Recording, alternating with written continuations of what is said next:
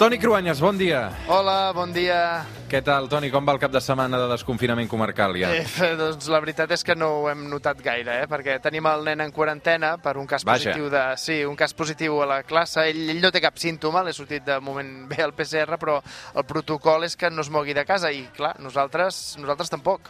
Tancadets. Uh, Sí. El que passa és que queda, queda poc per Setmana Santa, Toni, per tant, uh, potser et tocarà descansar tu, podràs Sí, descansar? sí, sí, sí, la veritat és que sí, estarem una setmana sense fer la notícies. Ho espero, eh? perquè de moment molt de jugar a casa, estem mirant sèries i pel·lícules... Confinats, uh, el que toca també amb aquest any que estem vivint. Escolta'm, parlant de pel·lis, uh, aquesta tarda mm, hi ha la gala, de fet també en parlarem avui al llarg del matí al, al suplement, avui és la gala dels Premis Gaudí, aquesta tarda també especial uh, en aquesta casa i, evidentment, a, a TV3. Tu, Roger, I saps avui per ens, volem fixar una mica en això, no? Sí, perquè tu saps per què es diuen Gaudí? O per què els premis del cine espanyol es diuen Goya, per exemple, o els Ah. Oscars, perquè tot plegat és una barreja de curiositats, de promoció del cine, però també d'història, eh? Doncs avui una classe d'història amb el Toni Cruanyes, precisament amb els Premis Cinematogràfics. Tant, entrada triomfal amb aquesta música, Cruanyes. Per on comencem? A veure, pels A veure. Gaudí, pels Goya, per on anem? Comencem per casa, va, que avui són els Premis Gaudí. Estan, justament, estan dedicats al genial arquitecte Antoni Gaudí. Evidentment, Gaudí no era cineasta, ni actor, ni director, ni sabem que anés a veure pel·lícules, però la tria del nom per part de l'Acadèmia Catalana del Cinema, ara fa uns 14 anys, respon a una qüestió de prestigi, de reconeixement internacional. El nom Gaudí també també és fàcil de pronunciar en anglès. Diuen Gaudí, en castellà, clar, i el que busca el cinema català abans que res és visibilitat.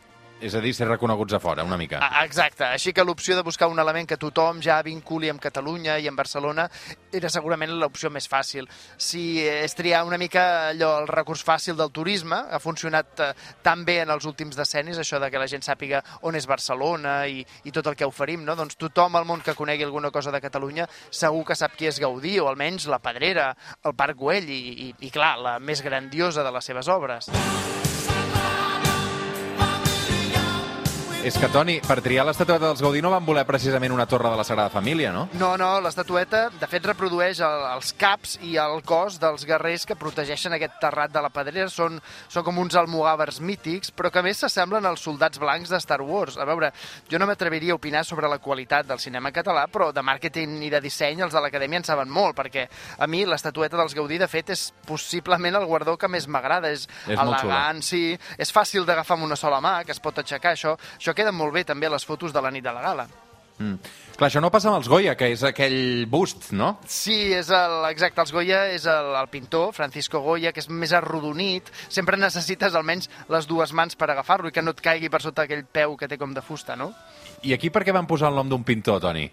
A veure, eh, és un premi relativament recent també, encara que no ho sembli, però és del 1985. Van pensar-hi, eh, van pensar en dir-li els Premis Lumière, els Premis Buñuel, aquests sí que són noms de cineastes, però van triar Goya per ser un pintor que és ja també conegut mundialment, és molt representatiu de la cultura espanyola, i també perquè era un nom curt. De fet, van arribar a dir que el concepte pictòric de Francisco Goya era molt semblant al cinema, que algunes de les seves obres tenen gairebé un tractament seqüencial als seus quadres. El director Carlos Saura va dir que possiblement Goya, si fos contemporani, seria director de documentals o de ficció compromesa amb la denúncia social. Bé, potser sí. Mm, El cine espanyol fa de temps ja que, que ha aconseguit situar-se molt bé al mercat internacional. Ha tingut moments esplendorosos com aquest. And the Oscar goes to... Aquí Penélope Cruz i Antonio Banderas entregant un Òscar a Pedro Almodóvar. Ja fa 21 anys d'això, perquè és l'any 2000 i de tots els guardons del cine del món segurament els Òscars són els més preuats, no? Per això, Toni? I tant. De fet, tota la resta de guardons són una versió més local o més reduïda dels Oscars. I el nom va ser per casualitat en el cas dels Oscars. Eh? El nom oficial és Academy Award, o sigui, el Premi de l'Acadèmia, en referència a l'Acadèmia Americana de Cine, que va instituir el premi l'any 1929.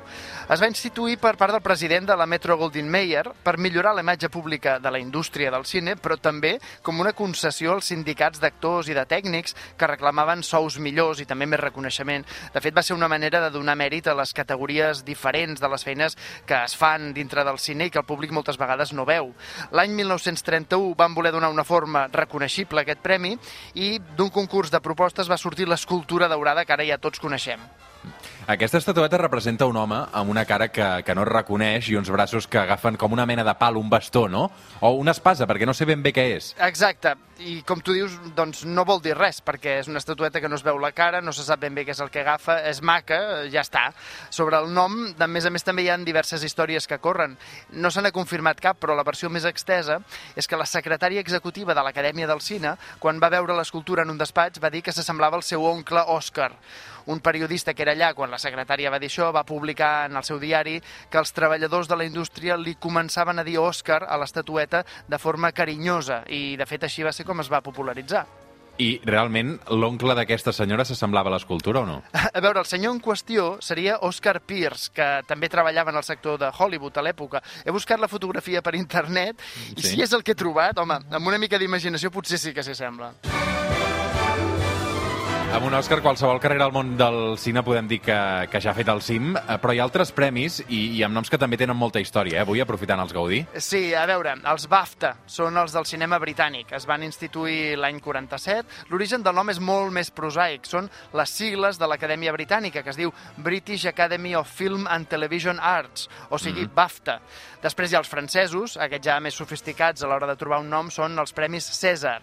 Un nom amb sonoritat, curt, amb aires afrancesats, però fàcil de pronunciar en anglès i que mentalment ens transporta al gran emperador romà, tot i que el nom ve concretament de l'escultor que va dissenyar el trofeu, César Baldacchini. Quand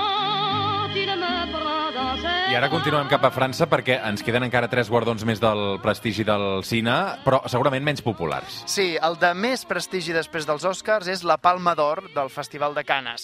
Per què una palma? Doncs perquè és el símbol de l'escut d'armes de la ciutat de Canes. I passa el mateix amb el Festival de Venècia, que dona de premi el lleó, que és l'animal heràldic de la ciutat. El, el patró de Venècia és Sant Marc, l'evangelista, el seu símbol és un lleó, que es pot veure per tot arreu a Venècia. La més coneguda és l'escultura de la plaça San Marco. I també hi ha l'Os d'Or de Berlín, no? Sí, la Berlinale. L'os d'or és perquè l'os surt a l'escut d'armes i la bandera de Berlín, és molt identificatiu de la ciutat, o sigui que amb l'os de la Berlinale podríem dir que acabem aquesta barreja d'històries, curiositats de premis de cinema. Per cert, que per explicar tot això li he demanat a, a l'Isma Martín, una mica d'ajuda, és l'especialista en cinema de TV3, i ell s'ha patejat molts anys aquests festivals. Quin plor més gran que duc a dins del meu poc cos, quin raig de foc que sé. Aquesta és la Maria Arnal amb una cançó que és la banda sonora dels dies que vindran, la pel·li que es van dur l'any passat, la millor pel·li dels Gaudí, que a més a més aquesta tarda fan a TV3, avui arribarem a les 9 del matí amb aquesta cançó de Maria Arnal i Marcel Bagés, aquest cant a la vida.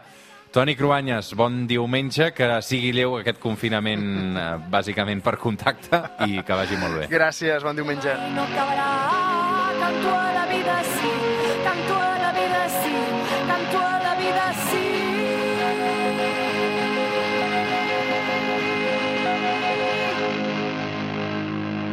El suplement, amb Roger Escapa.